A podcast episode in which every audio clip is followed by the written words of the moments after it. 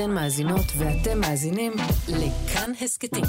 כאן הסכתים, הפודקאסטים של תאגיד השידור הישראלי.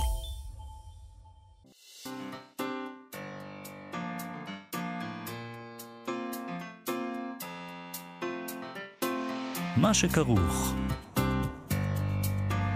עם יובל אביבי ומה יעשה לה.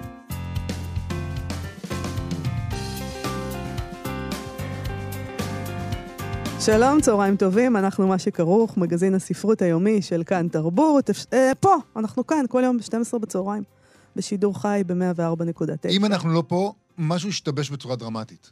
אולי אנחנו בחופשה, שותים אה. מרטיני על איזה יאכטה. ש- זה שיבוש מסוג מסוים. אוקיי, אנחנו גם לפעמים ב-105.3 FM, תלוי איפה אתם נמצאים כרגע ואיך אתם קולטים אותנו. אפשר למצוא אותנו גם בהסכתים בכל שעה שתרצו, איתנו באולפן, איתה אשת שלנו על ההפקה, על הביצוע הטכני, יובל יסוד. שלום לכם, שלום יובל אביבי. שלום, יעשה לה? אנחנו אה, היום עושים תוכנית בסימן אוצלי גוצלי, נכון. שזה אה, דבר טוב. אה, וזה זה גרם- דבר טוב. זה דבר מצוין, אבל זה גם במקביל גרם לכולנו לפזם בימים האחרונים כל הזמן. נכון. קהל נכבד ברגע זה, מתחיל סיפור אל המחזה. תגרום לי לשיר עכשיו. אני ממש רוצה שתשירי. לא, לא. אני אשיר איתך. אבל שרתי עד הרגע שהתחלנו, ממש, נכון? עד- זה, מאזינים נכבדים, אתם לא יודעים... אתם לא יודעים מה הפסדתם. ברגע שנדלק המיקרופון, הפסיקה לשיר. מה זה? מה זה? אוצלי גוצלי, המחזה המיתולוגי שכתב אברהם שלונסקי בשנת 1965, שהוא גרסה אה, לכאורה עליזה ומשעשעת, לא לכאורה, היא עליזה ומשעשעת, אה, מחורזת לסיפור אפל למדי שהביאו לנו האחים גרים, ואנחנו נדבר היום עם אה, פרופסור חגית אלפרין, שכתבה את הספר שלונסקי בארץ אוצלי גוצלי, שבו היא בודקת את האפשרות אה, לקרוא את המחזה הזה כמחזה למבוגרים וגם מסבירה כיצד.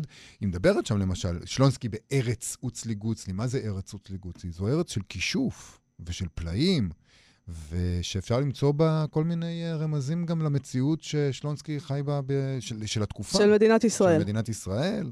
יש שם, יש שם אה, עוד, אה, חוץ מאשר חרוזים משעשעים לילדים, אפשר למצוא שם עוד הרבה דברים, והיא אכן מוצאת אותם, ואנחנו נשמע ממנה את כל הדברים האלה, או לפחות את חלקם. אנחנו נדבר גם עם אלעד ברנועי בפינה רק אתמול, שם אנחנו נחזור לקטעי ארכיון של אוצלי גוצלי, אנחנו נשמע את שלונסקי עצמו מדבר על המחזה. עם אה, יהושע קנז. זה מטריף. שלונסקי ויהושע קנז הצעיר. מדהים. מדברים, כן. מדהים. אה, אבל לפני כל אלה, אנחנו נתחיל עם אה, לילה לבן. מחר בלילה מתקיימים אירועי לילה לבן שיוזמת עיריית תל אביב-יפו.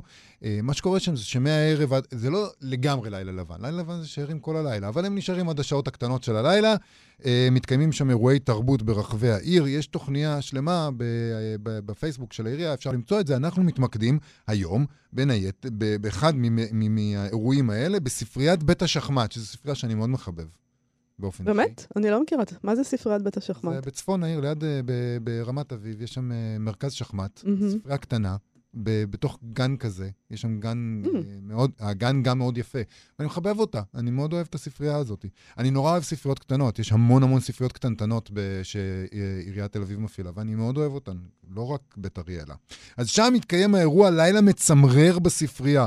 הילדים והילדות נק- אה, נקראים לגלות מי פרץ לספרייה בלילה, השליך ספרים על הרצפה, ונדליזם נורא ואיום, שתל בה מסרים מאיימים וחפצים מטרידים. חקירה בלשית. מי שעומד מאחורי האירוע הזה היא מיכל אדלר, שמפעילה את מגלים עניין, שזה עסק שמטרתו לחבר ילדים ונוער לספרים. ואיתנו עכשיו, שלום מיכל. שלום רב. תספרי לנו מה קורה, מה זאת אומרת, אה, מי משחית את הספרייה, מה קורה שם? אה, אז ה- באמת החוויה היא בעצם, אה, זה מצחיק שזה כאילו לרגל אה, לילה לבן, אנחנו מביאים את הצד האפל של הלילה הלבן, שברגעים אפלים שכאלה אפילו ספרייה חמודה, כמו שאמרת, של בית השחמט, הופכת להיות מקום אה, מלא רגשים מתעתעים. אז אה, אירוע הלילה המצמרר בספרייה בעצם מזמן אליו ילדים מכיתה ד' ומעלה. שהם כבר uh, בגיל שאחרי שאבא ואמא לוקחים ביד לספרייה, הם צריכים לבוא לזה מרצונם החופשי, וכמו שכולנו מכירים, הם מעדיפים בדרך כלל את החוויות הדיגיטליות, והם נכנסים לתוך חוויות, לתוך התרחשות מבוימת לחלוטין, שמתקיימת בספרייה חשוכה לגמרי, uh, כצוות שמגיע לסייע למשרד חקירות בשם uh, משרד מגלים, שמתמחה בתיקי X שהמשטרה התייאשה מהם והעבירה אלינו, כי אצלנו כל מה שלא הגיוני הוא הכי הגיוני. זה, זה משרד שלא נופל למלכודות של היגיון מסרס. אה, ואז אה, זה, האירוע הזה ספציפית מתייחס, מת, מתבסס על אה, ספרים מז'אנר ספרי הרפתקאות, מסתורין, מתח, פנטזיה.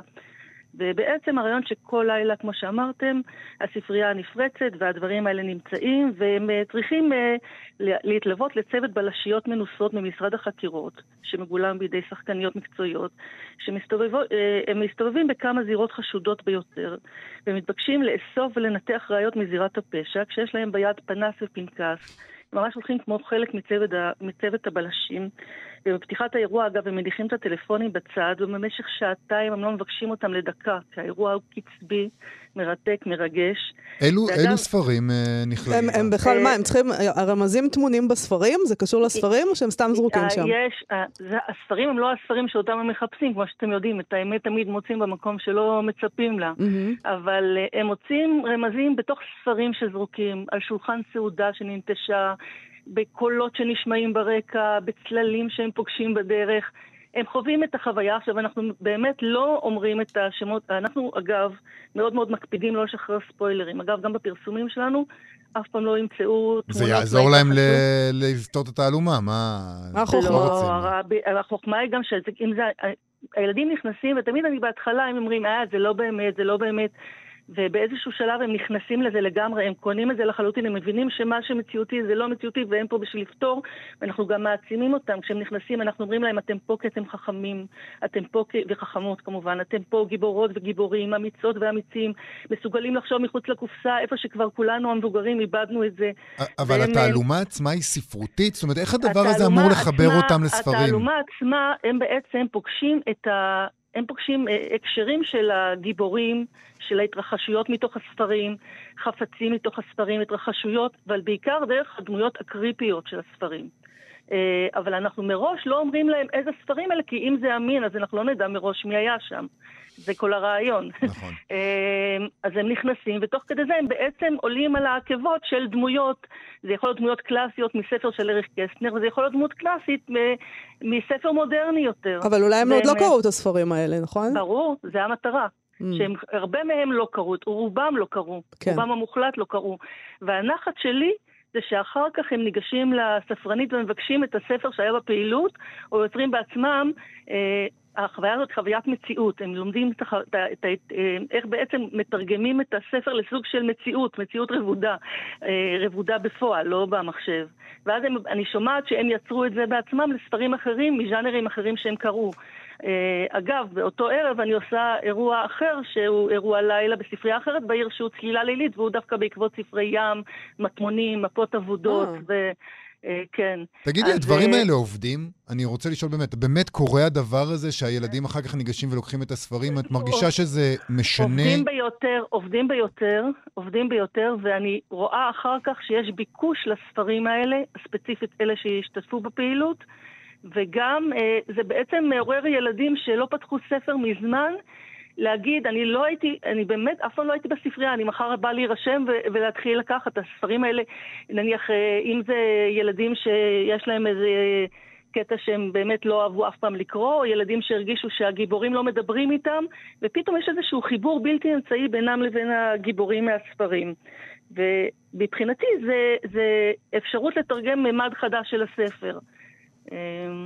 זה נשמע, זה נשמע מהמם. נשמע כיף, כן. אז אני נגיד שוב, uh, זה קורה, uh, לילה מצמרר בספרייה, זה קורה בספריית בית השחמט בתל אביב, uh, במסגרת uh, אירועי לילה לבן מחר. של עיריית תל אביב-יפו, זה קורה מחר. באיזה שעה זה מתחיל? רק נגיד. מתחיל בשבע וחצי. אז רוצו לשם, כל הילדים ששומעים אותנו עכשיו. צריכים להירשם כמובן, אבל זה כבר קשור לטכני של עיריית תל אביב. מיכל אדלר, מגלים עניין, תודה, תודה רבה לך על השיחה גם. הזאת. תודה רבה. ביי.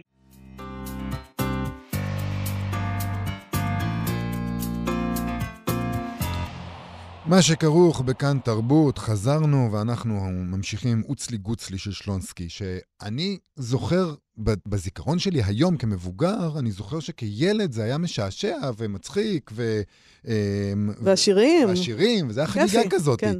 אבל אי אפשר להכחיש שיש בו אפלה רבה, ועלילה קשה. אפילו בגרסה המרוככת של שלונסקי יש קטעים קשים, שלא לדבר.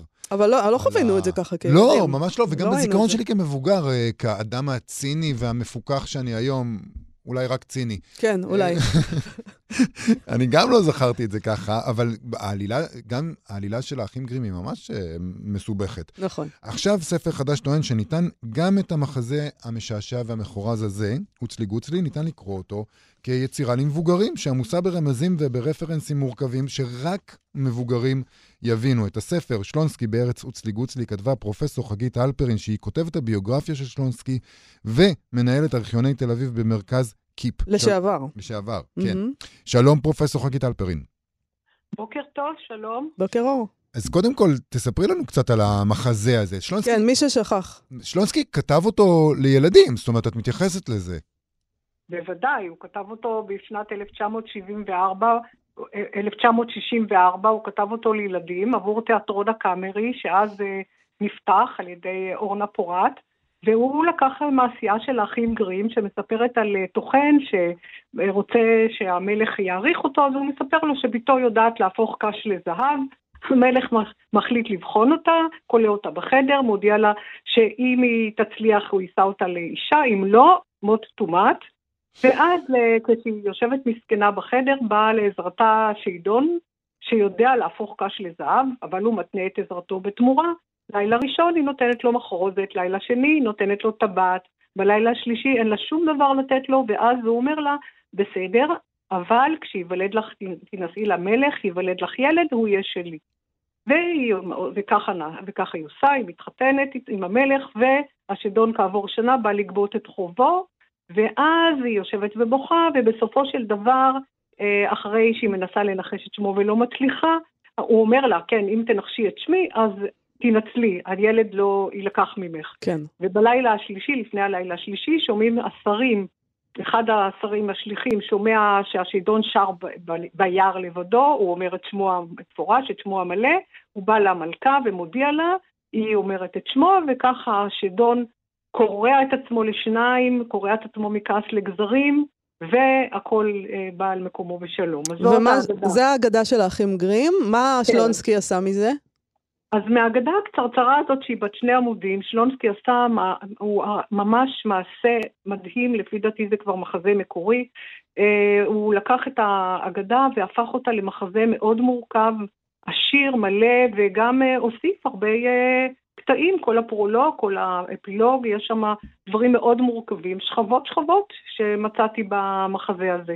אז אנחנו באמת, אנחנו יודעים מה הוא עשה עבור הילדים. הוא, הוא, את מציינת את זה גם בספר. הוא קצת ריכך את המסר, הוא עשה את זה משעשע, הוא עשה את זה מחורז, הוא שם את השירים וכולי וכולי. מה הוא עשה עבור המבוגרים? כן, אז קודם כל אני חושבת שבאופן כללי הוא הלביש את האגדה הזאת לבוש יהודי. האגדה הזאת אה, מקושרת לכל מיני אה, אה, אירועים ו- ו- ולכל מיני רבדים בקבלה, ב- ב- מה- מהתנ"ך. למשל, אפשר לקשר אותה לספר בראשית. שלונסקי עורך בעצם השוואה, הוא בעצם בורא עולם כאילו נברא העולם בבראשית. Hmm, בהתחלה רואים חושך על הבמה, לאט לאט נדלקים האורות, כן? ויהי, במקום ויהי ערב ויהי בוקר, אז אצלו זה ויהי בוקר ויהי ערב. הוא הופך את זה, ויש שם גם נחש, כי החדרונית והחצרונית הם הנחש, או השפיפונית כמו שקוראים להם, אז לגן העדן נכנס גם נחש, ויש גם חטא, החטא הקדמון, אז כאן זה החטא זה השקרים, אבל את החטא הזה אפשר לכפר עליו, בניגוד לחטא הנורא של החטא הקדמוני, שכולנו מקוללים בו עד היום, ומגורשים מגן עדן, פה אפשר לכפר על, החטא ולהיגאל. אפשר, לג... אפשר, אפשר אה, באמצעות מציאת השם. נגאלים. כן, אפשר, כן, אבל לפני מציאת השם, צריך אה, להגיד שזה היה מאוד חשוב לשלונסקי לדעתי להדגיש שבת הטוחן באמצעות אה, אביה מספרים למלך, בעצם אביה מספר למלך את האמת, היא ראויה לגאולה רק אחרי שהיא מפסיקה עם השקרים והם באים ומספרים למלך את האמת, למרות שהטוחן לא יודע אם המלך י- יעניש אותו כמו שהוא אמר, אה, יעשה לו משהו איום ונורא, או שכמו שקורה בסוף המלך מבין שהוא טעה ולא, להפך, הוא מנסה ומגדל את הטוחן כי הוא סיפר לו את האמת, ורק אז הם ראויים לגאולה. את מדברת על יצירת עולם, יש פרק בספר שמדבר, וזה אולי גם משם אה, אה, מגיע שם הספר שלך, שלונסקי בארץ אוצלי גוצלי. את מדברת על הארץ הזאת כארץ של כישוף, כארץ של על-טבעי, כמקום, אה, כמקום ש... כמובן, הדברים האלה משחקים גם לעולם הדמיוני של ילדים, אבל גם לעולם המיתולוגי של כולנו, המקום המחושף הזה שבו דברים שניסים יכולים לקרות. נכון, נכון. שלונסקי האמין, האמין, הוא לא האמין בטכנולוגיה, הוא חשב שהעולם הטכנולוגי גורם רעה גדולה לאדם, והוא חשב שהעולם הוא יפה כשהוא מכוסה סודות ורזים. זו הייתה השקפת העולם הבסיסית שלו, שהוא הביא אותה גם לכאן וגם אה, כאן באמת ב... בסיפור של רוצלי גוצלי, העולם מלא כישוף, סודות ודברים שצריך אה, לגלות אותם. למשל, האישון נקרא אה, רוצלי גוצלי, אבל אומרים שצריך לגלות את השם המפורש שלו. אז השם המפורש, הרי אה, כן, זה ברור שמצד אחד זה מה השם האמיתי, אבל בעצם השם המפורש זה מושג מאוד חשוב בקבלה. השם המפורש של אלוהים שאסור לומר אותו, ואסור, ומי שמכיר אותו הוא יכול לשלוט בעולם, וכך אה, אה, באמת אה, כשמוצאים את השם של אוצלי גוצלי, אז גם מוצאים, אה, גם ניתן להפר את אה, מזימתו. אז העולם מלא סודות ו- וניסים, וזה גם מתקשר אה, אה, שוב לעניין היהודי למגילת אסתר. יש כאן כישורים מאוד מעניינים למגילת אסתר שמצאתי.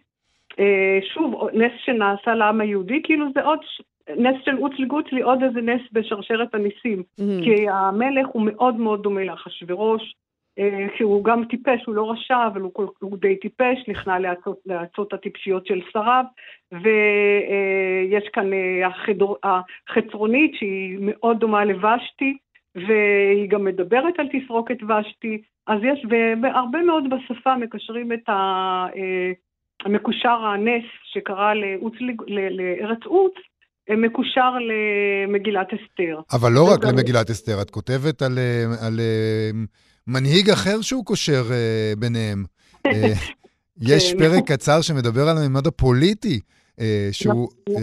את אומרת שמה בעצם זה לא איזה תזה ממש פוליטית, מאוגדת היטב, אבל כן, זורק ככה כל מיני... זולג לו. הוא, הוא עושה כן. את זה כן. ככה, הוא זורק כל מיני חיצים קטנים באמצע כדי לעשות כזה איזה קריצה להורים. מה הוא נכון, עושה שם? נכון.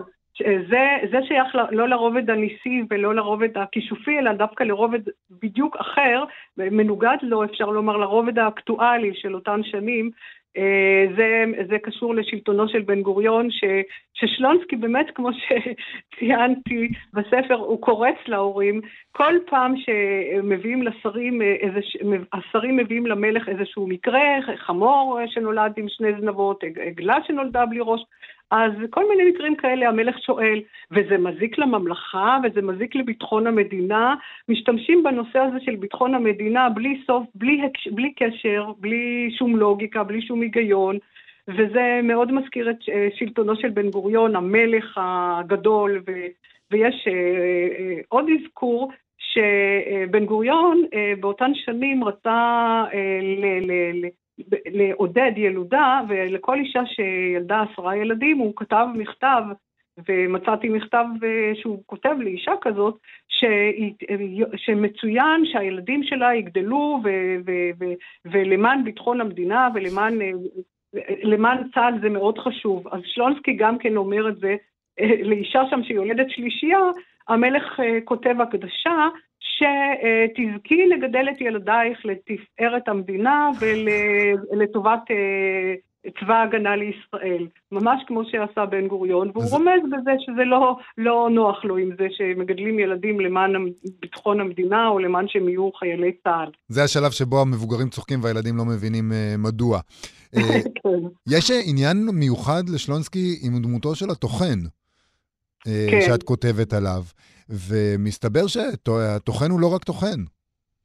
נכון, הטוחן, הטוחן הייתה דמות מאוד אהובה על שלונסקי, הרבה לפני שהוא כתב את אוצלי גוצלי, עוד בספרים שלו משנות ה-30, שנות ה-40, הוא האמין שהטוחן הוא אחד מיסודות עולם, כי הוא עוסק בלחם, בתחינה, בדבר החשוב לנו, כן, אה, הדבר הקיומי, והוא ניסה וגידל את הדמות הזאת, יש לו שיר שנקרא הטוחן, שזה חלק משירי הלחם והמים, ולכן הוא מאוד, הוא שינה בצורה מאוד דרסטית את הדמות של הטוחן, שבהגדה המקורית הוא דמות מאוד רעה, הוא... אה, אין לו שום קשר לבת, לא רואים שהוא אוהב אותה, לא אכפת לו מה קורה לה, הוא משאיר אותה לגורלה המר ועוזב.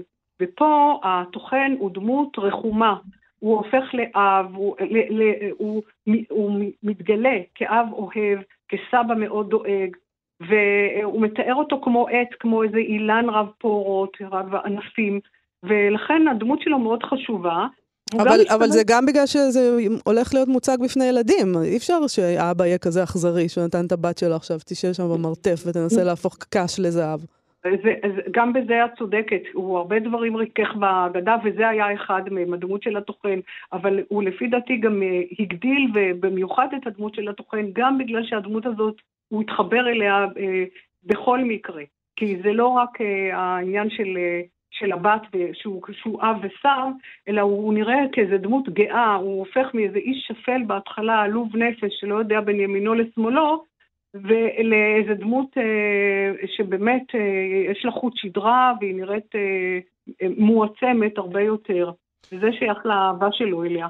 אבל הוא גם משתמש בכל מיני דברים שקשורים לטוחן, להצחיק אה, כל מיני חידודי לשון, כי הטוחן, למשל, אבן הריחיים זה הדבר המאוד חשוב, כן, לתחינה, זה, החוב, זה הכלי המלאכה של הטוחן.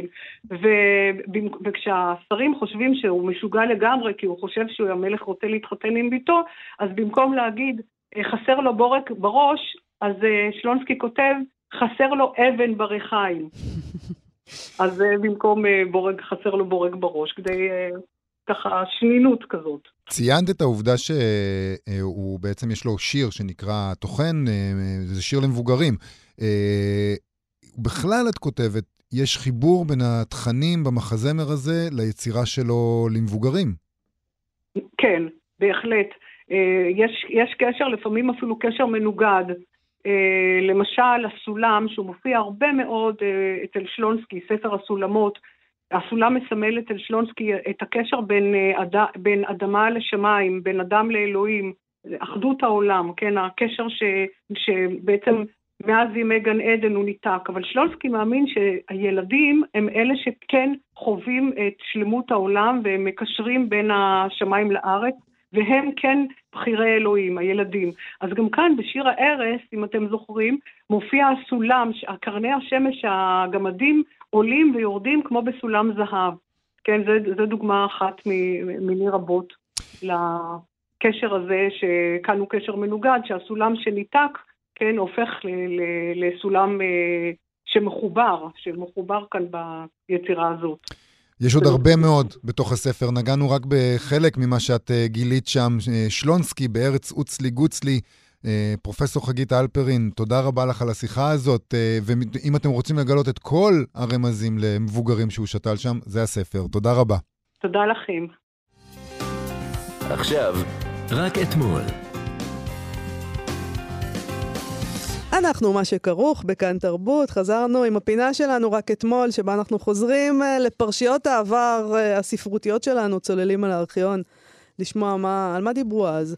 אה, איתנו כתמיד בפינה הזאת, אלעד ברנועי שלנו, עורך ומגיש פופ-אפ, שמשודרת בימי חמישי בשעה עשר, והוא גם עורך את זינוק לאתמול, בחור מאוד מאוד עסוק. זינוק לאתמול זו תוכנית הארכיון של כאן תרבות. שלום לך, אלעד ברנועי. בוקר טוב, צהריים טובים. כן, וואו. נכון, צהריים טובים. אנחנו ממשיכים לדבר על שלונסקי ועל עוץ לי גוץ לי, ובעצם אנחנו חוזרים להצגת הבכורה שלו. נכון, אז אה, אנחנו חוזרים לפעם הראשונה.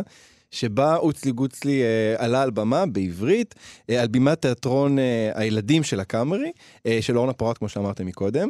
עכשיו, אנחנו נשמע קטעים מתוך תוכנית אה, בימות ובדים, שמציגה לראשונה את ההצגה ברדיו. אה, זה, זה אירוע שמשמיעים דבר כזה ברדיו, כלומר, אנשים, מי שהצליח לראות את זה, זה כזה זה חגיגי, וכל הכבוד לו שהשיג כרטיסים, אה, ויכל להרשות את זה, לעצמו, אבל עכשיו בעצם זו פעם ראשונה שהשירים האלה יוצאים לאור ומדברים עליהם, אה, ויש שם אה, קטעים מהשירים, ואת הקטעים... הקטעים פותחת קריינות אה, של זעריר החריפאי.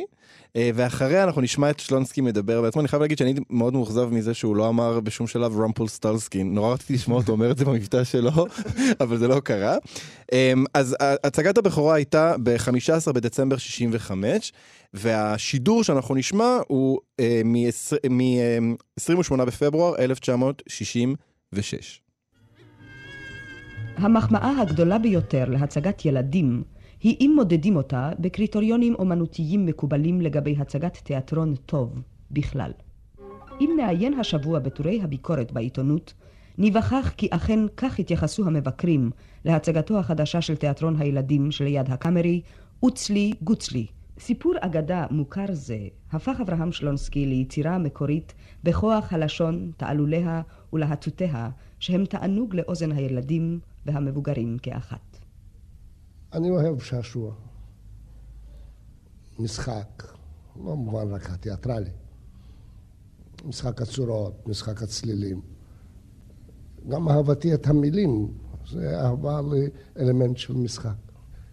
ובכן, בחרתי בחריזה מפני השעשוע שבה, וכאן גם ראיתי אפשרות לפתור את בעיית האימים של גרים. לפתור את בעיית האימים של גרים. אפילו את זה, זה משפט כזה גאוני. בעיית האימים של גרים. אני יכול להגיד שאני מאוד הופתעתי מלשמוע את שלונסקי מדבר, כי אה, אני, אה, רגיל לשירה שלו, אה, שירה למבוגרים, וזו שירה קדושה, כבדה נכון, מסובכת, כזו, אה, שלונסקי, כן. ולשמוע אותו, הוא נשמע כמו ילד. כן, אז דיברנו מקודם עם פרופסור חגית אלפרין, היא כותבת בספר שלה שבשבילו זה היה ממש אה, אה, איזה מין מוצא מפני הדברים שהעסיקו אותו כיוצר למבוגרים, והוא ממש אה, אמר, או, הנה הזדמנות שבה אני יכול לשחרר את הילד שבי, כי בתוכי אני עדיין ילד ואני רוצה לדבר איתם, וזה ממש אה, נוכח בדבר כן, הזה. הוא אומר שהוא אוהב לשחק. יש משהו, זהו, גם הפתיחה של זה, שזה לא ערוך הקטע ששמענו, זה ככה, שהיא מדברת ואז הוא אומר, אני אוהב שעשוע. כלומר, זה... זה- לא, והיא, זה הריר החריפאי הכי מדברת כמו שדיברו פעם שדרנים. זה הריר החריפאי. נכון, למרות שיש לה טעות שם בזה, בהגייה, אבל בסדר, לא, לא, לא. תפסת אותה. זה, יש נחמה כל כך גדולה בלשמוע אותם טועים בעברית, זה פשוט, זה, אני לא יכול להסביר, זה כזה עונג, זה כזה עונג לשמוע אותה אומרת, ולהטוטיה, לא, זה ארירה, לא, ולהטוטיה. יש גם אבל דבר נחמד בזה שהם אומרים שהצגת ילדים נשפטת אה, גם היא, אם היא, אם היא טובה, אם היא נשפטת אה, אה, כאיכותית בסטנדרטים של מבוגרים, וזה מאוד מאוד נכון, וגם הוא אומר את זה, הוא אומר, אני מתייחס לילד כמבוגר, אני רוצה לעשות לו תוכן טוב, אני, אה, ככה זה צריך להיות. בדיוק, אז, ו- הוא, הוא הולך לדבר על זה עוד בקטעים ש, שאנחנו נשמע, עכשיו אנחנו נשמע אותו, אה, ממשיך לדבר על גרים, ובעצם על ההתאמה של אה, אה, טקסט שהאחים גרים כתבו אה, לקהל הישראלי, לילד הישראלי. אבל שלונסקי לא מדבר סתם, כי מי שמראיין אותו הוא לא אחר מיהושע קנז. מדוע דווקא גרים אגב? תסלח שאני משסע אותך. האם זה, זה, זו- זה הוזמן ככה או שזו הייתה בחירה? זו הייתה הצעתה של אורנה פורת בשם התיאטרון. אה, זוהי אגדה שבכמה ארצות ובכמה שפות אה, מסגלים את זה להצגה, ארץ ארץ ועם עם לפי המנטליות שלהם. ואולי הייתה זו סיבה שקיבלתי אני על עצמי אה, את המלאכה הזאת, רציתי לקבל על עצמי עול של סיגול אה, למנטליות של הילד הישראלי, היהודי, בישראל כפי שאני אה, מכיר אותו ומוקיר אותו. פיקוד, בכף ובקוף, הסקרני, הומה, שיודע את אה, סוף המעשה עוד בתחילתו, ואף על פי כן רוצה אה, שישלו אותו כאילו הוא איננו יודע. כל האלמנטים האלה של השעשועיות ושל המשחק, אה, כל האלמנטים האלה הם שגירו אותי, הם שקבעו גם את הצורה וגם את הפתרונות העלילתיים והצורניים של המחזה. המילה שהוא אומר שם שהיא קצת לא ברורה זה פיקחות בכ- אה, בכף ובקוף. הוא מדבר נורא יפה על הילד הישראל- הישראלי. הומה, הילד הומה. נעשיתי שלולית מההקלטה הזו, באמת. אני תוהה אם הילד הישראלי יכול לעמוד בסטנדרטים הדי קשוחים האלה. כן, הוא אומר על הילד שהוא פיקח, שהוא הומה, ושהוא יודע את סוף המעשה מתחילתו, והוא בכל זאת מתעניין בו. איזה, איזה, כאילו, איזה, מבט יפה, זה מבט חיצוני. הוא אומר, הוא יודע את הסוף מתחילתו, אבל הוא רוצה אה, שישלו אותו, הוא רוצה את האשליה. נכון. הוא אוהב את האשליה. לא, אבל תחשוב על זה, זה יחס רציני בעצם, זה לילדים. כאילו, הם אנשים, הם אנשים כבר, והוא מתייחס אליהם ברצינות. זה יפה, וב- ובחיבה גם. בחיבה, ב, ב, בהערכה, כלומר, נכון. הוא...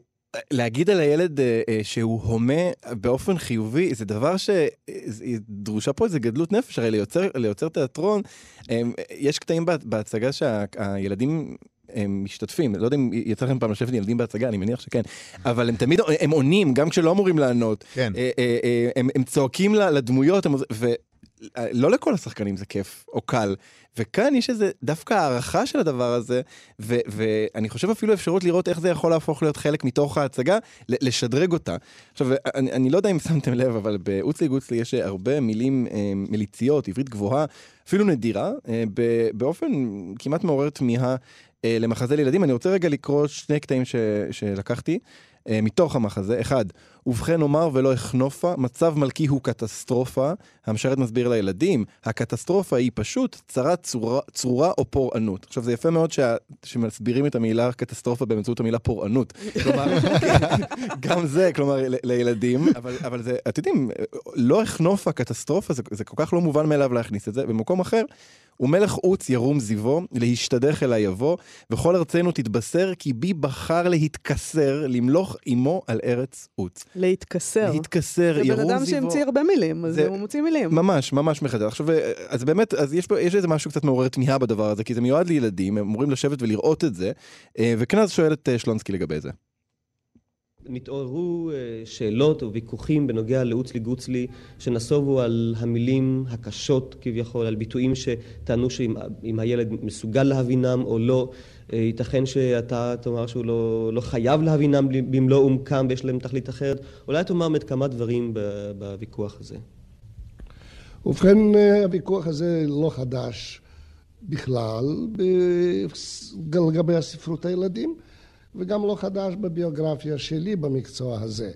האלה שטוענים כי לילדים יש לדבר בשפה הבסיסית שלהם, רק באותן המילים שהם אה, יודעים אותן, וחס ושלום לבוא אליהם במנוב המגביה אותם בסולם הלשון. כל הטוענים כך, נדמה לי שהם טועים טעות מעיקרה.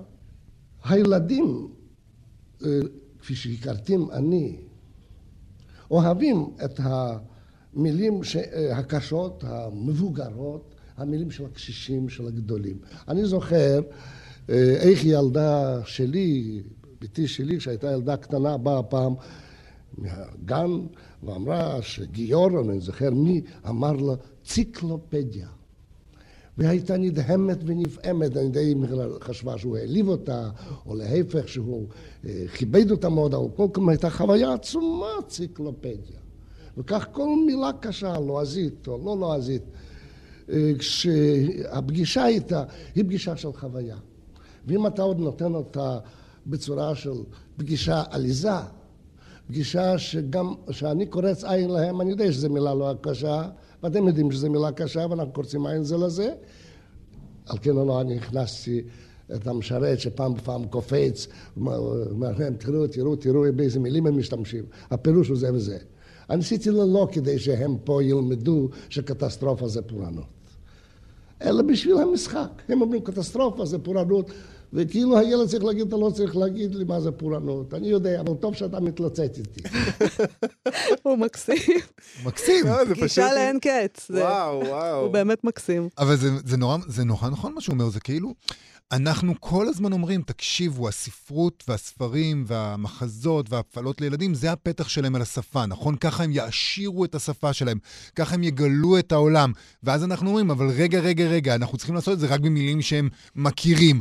לא, אם הם, אם הם רוצים להעשיר את השפה שלהם, חייבים לשים אה, מילים שהם לא מכירים שם. אני גם חושב יש uh, משהו בחוויה של להיות ילד שאני יכול להיזכר בו של uh, לא להבין דברים. כלומר, לא להבין מילים, גם, כש, גם כשאני אמור כבר להבין. כלומר, גם כשכבר מסבירים לי, אני עדיין לא מבין.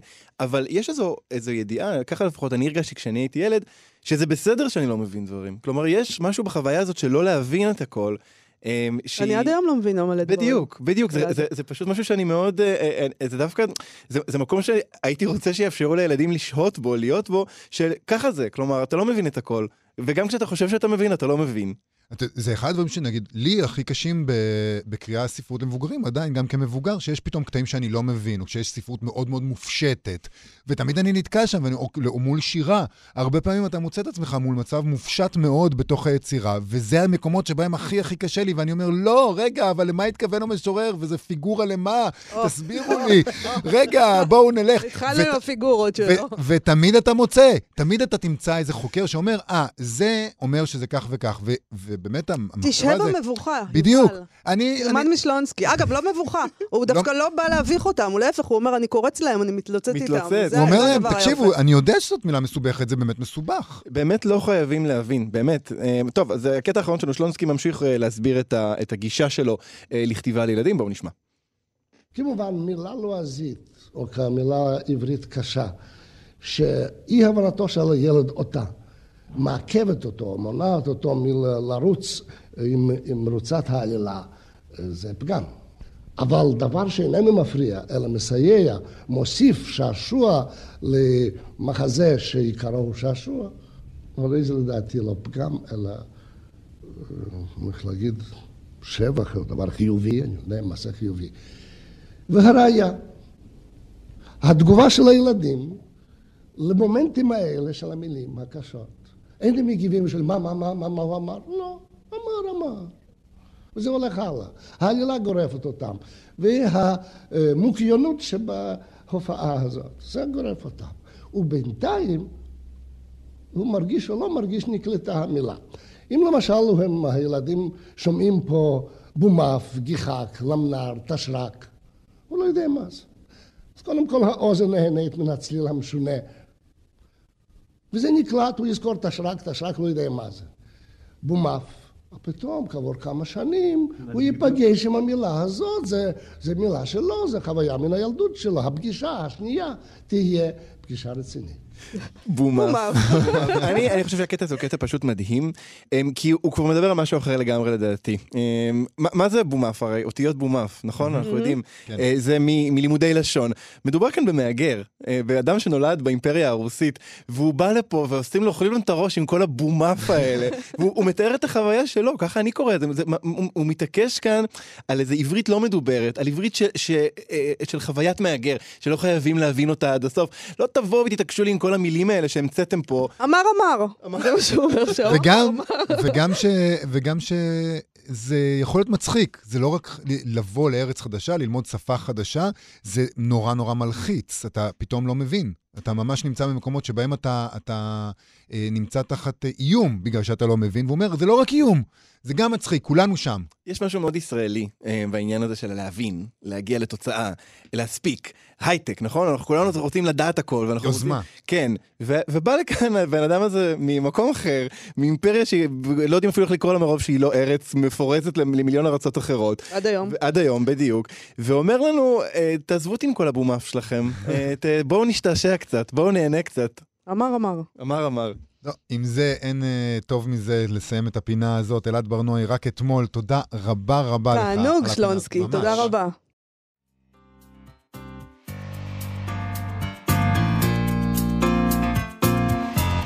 מה שכרוך בכאן תרבות. חזרנו, אנחנו עם מאמר שהתפרסם במגזין דקאט, שהכותרת אה, ש- המפתיעה שלו, אנחנו הופתענו, הייתה הדרך הוא ספר ההורות הטוב בכל הזמנים. שזה לא מה שאני זוכרת מהספר הזה. גם לא אני. אה, אוקיי, אבל יש להם טיעון, ואנחנו נשמע אותו. הם חוזרים לספר, כמובן אחרי מותו לאחרונה של הסופר קורמק, קורמק מקארתי, והם מספרים שם על, על הספר, נגיד לטובת מי שלא קרא, יש שם אב ובן שמשוטטים בשממה אפוקליפטית, בתנאים מחרידים, בניס... מחפשים מקום מפלט, אה, שבכלל לא בטוח שיש כזה מקום. זה כאילו עולם שנחרב, והם שניהם אבא, אבא ובן. וקוראים שם דברים איומים. נכון. אה, אבל הם כותבים בדקת, האב בטוח שהילד זקוק למטרה לחיות למענה, כי הרי מה זה העולם הזה? למה אנחנו, למה אנחנו מחפשים פה? אה, הוא, הוא צריך מטרה ויעד, הילד הזה, והוא מעניק לו אותה, שזה מה שהורים אולי צריכים לעשות. והדרך, הם כותבים, ישרוד אחרי כל ספרי ההורות האחרים. זהו, פשוט שתלו אותו בקטגוריה. אהה. הוא יזכה לחיי על מוות, כי הנושאים שלו, כמו התנ"ך, שאולי גם זה ספר הורות בעיניהם, לעולם לא ית- יתיישנו. הוא נקרא כנבואת זעם על ידי פריבילגים, הם אומרים. זה נבואת זעם על ידי פריבילגים, אבל הוא סיפור עדכני על מיליוני משפחות מהגרות שנעות ברחבי העולם. זאת אומרת, עבור, עבור uh, כל מיני משפחות זה לא נבואת זעם, זה החיים עכשיו. טוב, בסדר. Uh, מחבר את המאמר, זה רק מאמר בדקת, אז uh, לא חייבים לקנות את כל מה שהיא אומרת. Uh, היא מספרת שהיא קראה את הספר קצת אחרי שהיא חוותה את קטסטרופת ניו אורלינס, שנפגעה בזמנו מהוריקן קטרינה. היא ראתה אנשים שולפים רובה בתחנת דלק, שוטרים מקבלים שוחד, חולי בית חולים משוטטים בחלוק בית חולים פתוח מאחור. ושם היא ובן הזוג שלה הבינו שהם וילדיהם חייבים לחיות את החיים שלהם כשהם מוכנים לברוח בכל רגע נתון. והם הלכו על זה, היא מספרת איך הם מימנו את הילדים לצעוד ברגל עם מעט מזון ומים. וואו. וואו. היא לא, היא לא מאה. היא לא מאה. משהו שם לא לגמרי בסדר. לכאורה, כמובן. היא מתארת שם איך הם הלכו איתם להייקס, לטיולים בערים, בלי אוכל ומים. כן. והיא אומרת, תרגישו חופשיים לקרוא לי מטורפת, זה מה שהיא כותבת. אז... ואז היא קראה את הספר, נקרא לה. אוקיי. היא קראה את הספר, הדרך, והיא הרגישה שהמילים של מקארתי מעניקות לה זיכוי. אה, הוא, הוא מבין אותי, היא חשבה לעצמה. מה שנגע לה בספר זה היכולת לתאר איך נשארים אוהבים ואמיצים בזמן שאתה חושש לחייך. היא אומרת uh, במאמר הזה שבעיניה יותר מאשר על האפוקליפסה, מקארתי, uh, קורמוט מקארתי כתב על מה זה אומר לדאוג לילד. היא, אומר, היא כותבת שם שהמסקנה שלה, להכין את עצמה ואת ילדיה לאפשרות שיצטרכו לצעוד ברגל בלי מים ואוכל כדי להימלט, הייתה שגויה. המסקנה היא לדעת איך לטפל באדם קטן וחסר ישע ולמצוא אחרים שיעזרו לך. העבודה האמיתית היא לא להצטייד בנשק ולהיות מוכן לשואה, אלא לשמור על יציבות רגשית עבור אלו שתלויים בך. אני לא השתכנעתי שהדרך זה ספר הורות. אה, אוקיי, הוא לא, הוא באמת לא. אני גם לא צריך לעשות רדוקציה לדברים. אני, נשמע לי שהיא קצת מתארת משהו שאנחנו אנחנו פה בארץ מכירים. אה, אנשים מהשואה הכירו, ניצולי שואה הכירו אותו היטב, וכמובן אנשים שהם דור שני גם. אה, כי היו להם הורים שחשבו, לפעמים זה גרם לזה שהיו הורים שחשבו שהם צריכים ללמד את הילדים שלהם לחיות בתנאים קיצוניים, כי אם עברת פעם אחת אה, מתחת לידיים של היטלר, אז אתה לא חושב שזה לא יכול לקרות שוב. להפך, אתה מצפה לזה, ואז לפעמים אתה זורק את הילדים שלך על האש כדי שהם ידעו איך מתמודדים עם אש. אה, אבל זה בהחלט מוזר לי- לייצר לעצמה, הגברת הזאת באמריקה של המאה ה-21, מציאות מדומה כזאת, ומצד שני, אתה יודע, אם מסתכלים על העולם ואיך שהוא מתנהל, אה, האם זה באמת כל כך מופרך? אה, העולם הזה ממש דוחף אותנו לחרדות מהסוג הזה, ולתהיות, תהיות, איך אנחנו נשרוד ומה יהיה עם הילדים שלנו. אז יש אנשים שזה לוקח אותם רחוק, החרדות. אה, גם אפשר- כדורים נגד חרדות זה אופציה. בהחלט, ואפשר גם לקרוא את הספר הדרך של קורמק מקארתי, זה גם עוזר. אנחנו עם הדבר הזה מסיימים את התוכנית שלנו להיום. תודה רבה לאיתי אשת שלנו על ההפקה, ליובל יסוד על הביצוע הטכני. בואו לבקר אותנו בעמוד הפייסבוק שלנו מחר, יום חמישי. אנחנו נשדר את המיטב של השבוע החולף, ובינתיים נגיד לכם להתראות. להתראות.